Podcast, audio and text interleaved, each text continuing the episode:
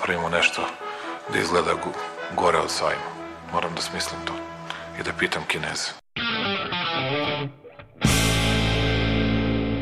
I've today left hospital after a week in which the NHS has saved my life. Ne mogu da verujem da narod koji je preživao sankcije, bombardovanje, svakojako maltretiranje će se uplašiti najsmesnijeg virusa u istoriji čovečanstva koji na Facebooku postoji. And now I'm better and maybe I'm immune, I don't know. Dobro večer. Mene su poslali iz štaba. Ja ću vam pomoći. Aleksandar Kocić Jelena Viser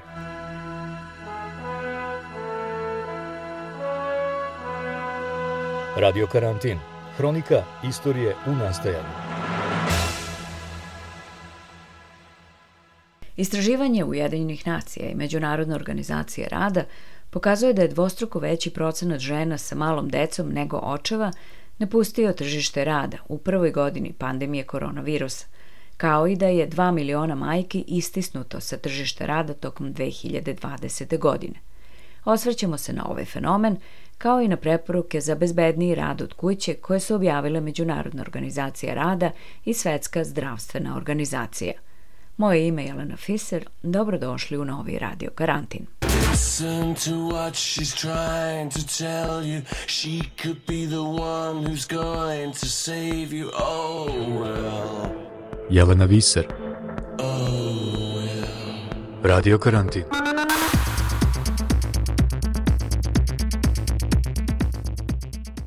Radio Karantin se u aprilu prošle godine bavio radnim opterećenjem tokom pandemije, kada je zbog vanrednih mera više ljudi nego ikad ostajalo kod kuće. Potreba za kućnim poslovima i negom se umnogo stručila, ali je pitanje bilo ko snosi to povećanje tereta i za koliko su se oni povećali. Grupa pri Ujedinjenim nacijama UN žene navela je tada podatke po kojima su i žene i muškarci povećali svoje neplaćeno radno opterećenje, ali da su žene i dalje činile većinu. Žene takođe preuzimaju veći broj zadataka vezanih za negu, nego muškarci. Umeđu vremenu, roditelji dobijaju više pomoći od čerki nego od sinova. Ta grupa navela je da je zabrinjavajuće i to što više žena nego muškaraca je napuštalo plaćena radna mesta, verovatno kao rezultat povećanog opterećenja kod kuće. Naša sagovornica na tu temu bila je Marija Babović sa Filozofskog fakulteta u Beogradu, koja je govorila o tome na koji način su položaj i kvalitet žena višestruko bili pogođeni pandemijom. Ovu emisiju, kao i sve prethodne, možete slušati i čitati na našem sajtu radiokarantin.eu. Pratite naše sadržaje i na Soundcloudu i Facebooku. Radio Karantin. Nedavno istraživanje UN-a i Međunarodne organizacije rada obuhvatilo je majke i očeve starosti od 25 do 54 godine, koji žive sa partnerkom ili partnerom i bar jednim detetom mlađim od 6 godina. Ispitanici se ubrajaju u aktivni deo radne snage, a ovo istraživanje sprovedeno je u 189 zemalja.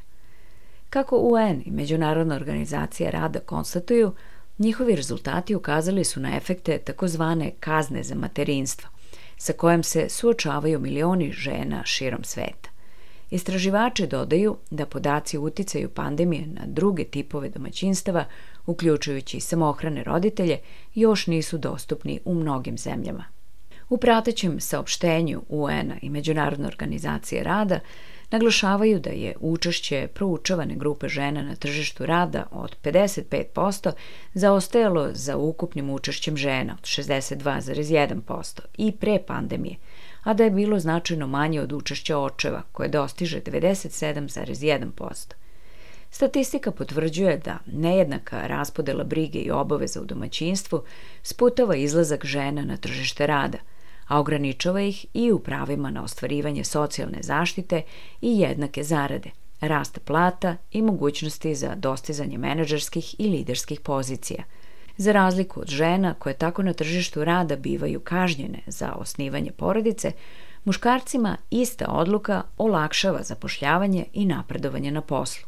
pa je tako pomenuto učešće očeva od 97,1% veće od ukupnog učešća muškaraca na tržištu rada 93,5%.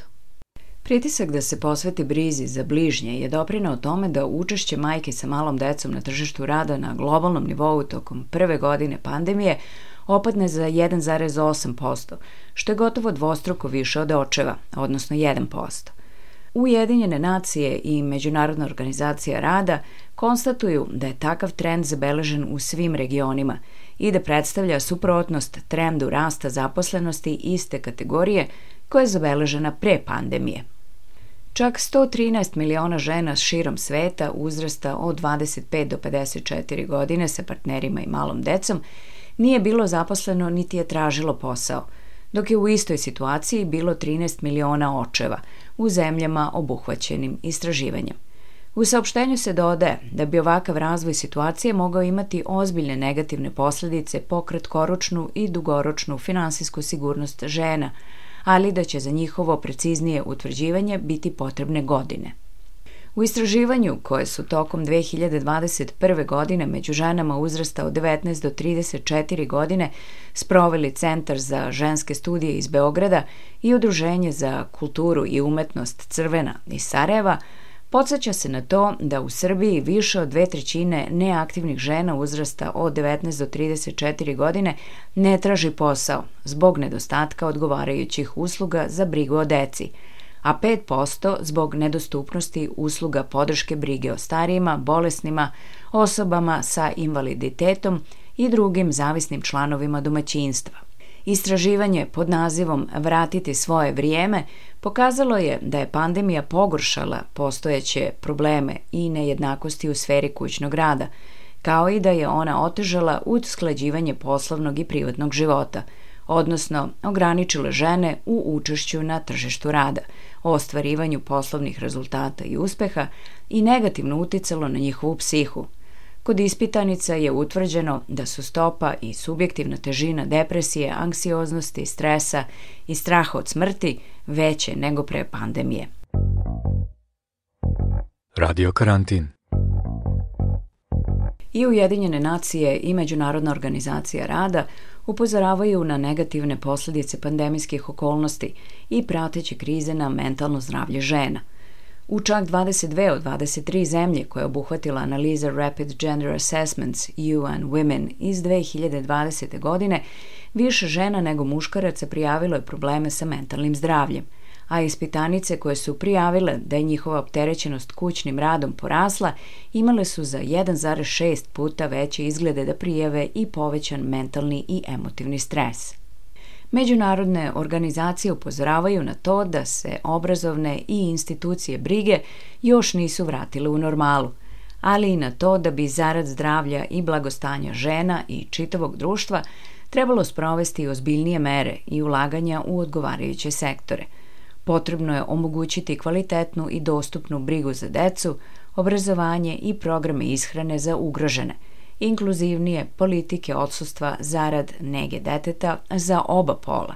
Preporučuje se i reforma radnog zakonodavstva širom sveta, kako bi ženama bili omogućeni bolji uslovi za zapošljavanje, rad i profesionalno napredovanje.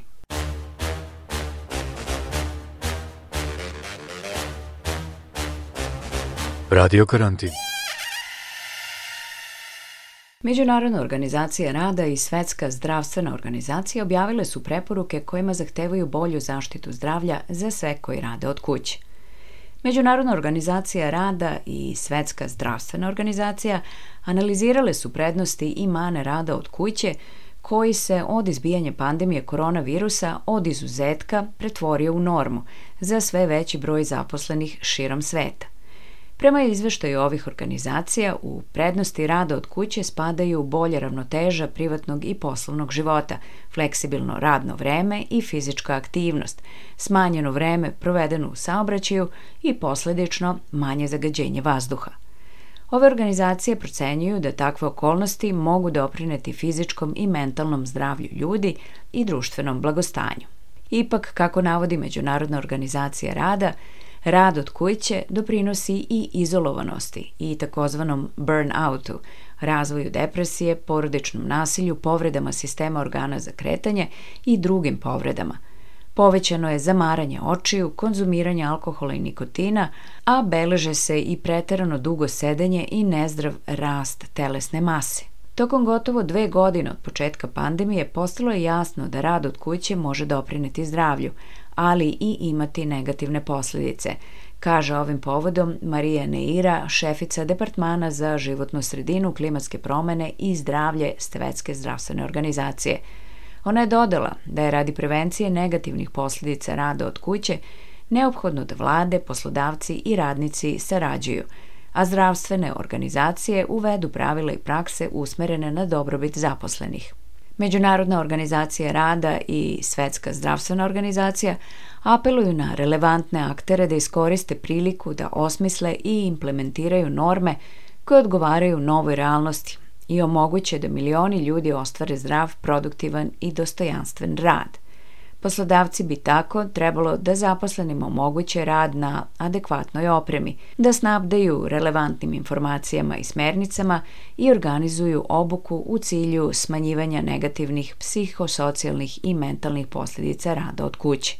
Menadžere bi trebalo obučiti u polju menadžmenta rizika i promovisanja zdravog radnog okruženja – U jednu od značajnijih predloženih mera spada obezbeđivanje prava radnika da ne budu non stop dostupni putem telekomunikacionih sredstava i prava na odmor. U izveštaju se zagovara i podizanje nivoa učešća radnika u organizovanju posla, za koje se predlaže da se postigne jačanjem dijaloga između radnika i upravljača sa naglaskom na obostranoj disciplinovanosti u ispunjavanju dogovorenih ciljeva.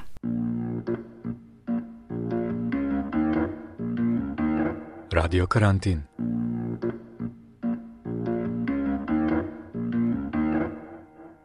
Bio je ovo Radio karantin.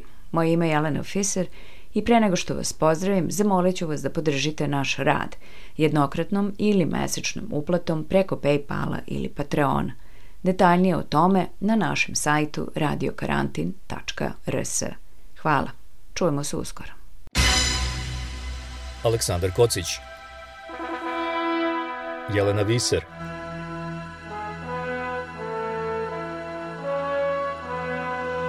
Radio Karantin. Hronika istorije u nastajanju.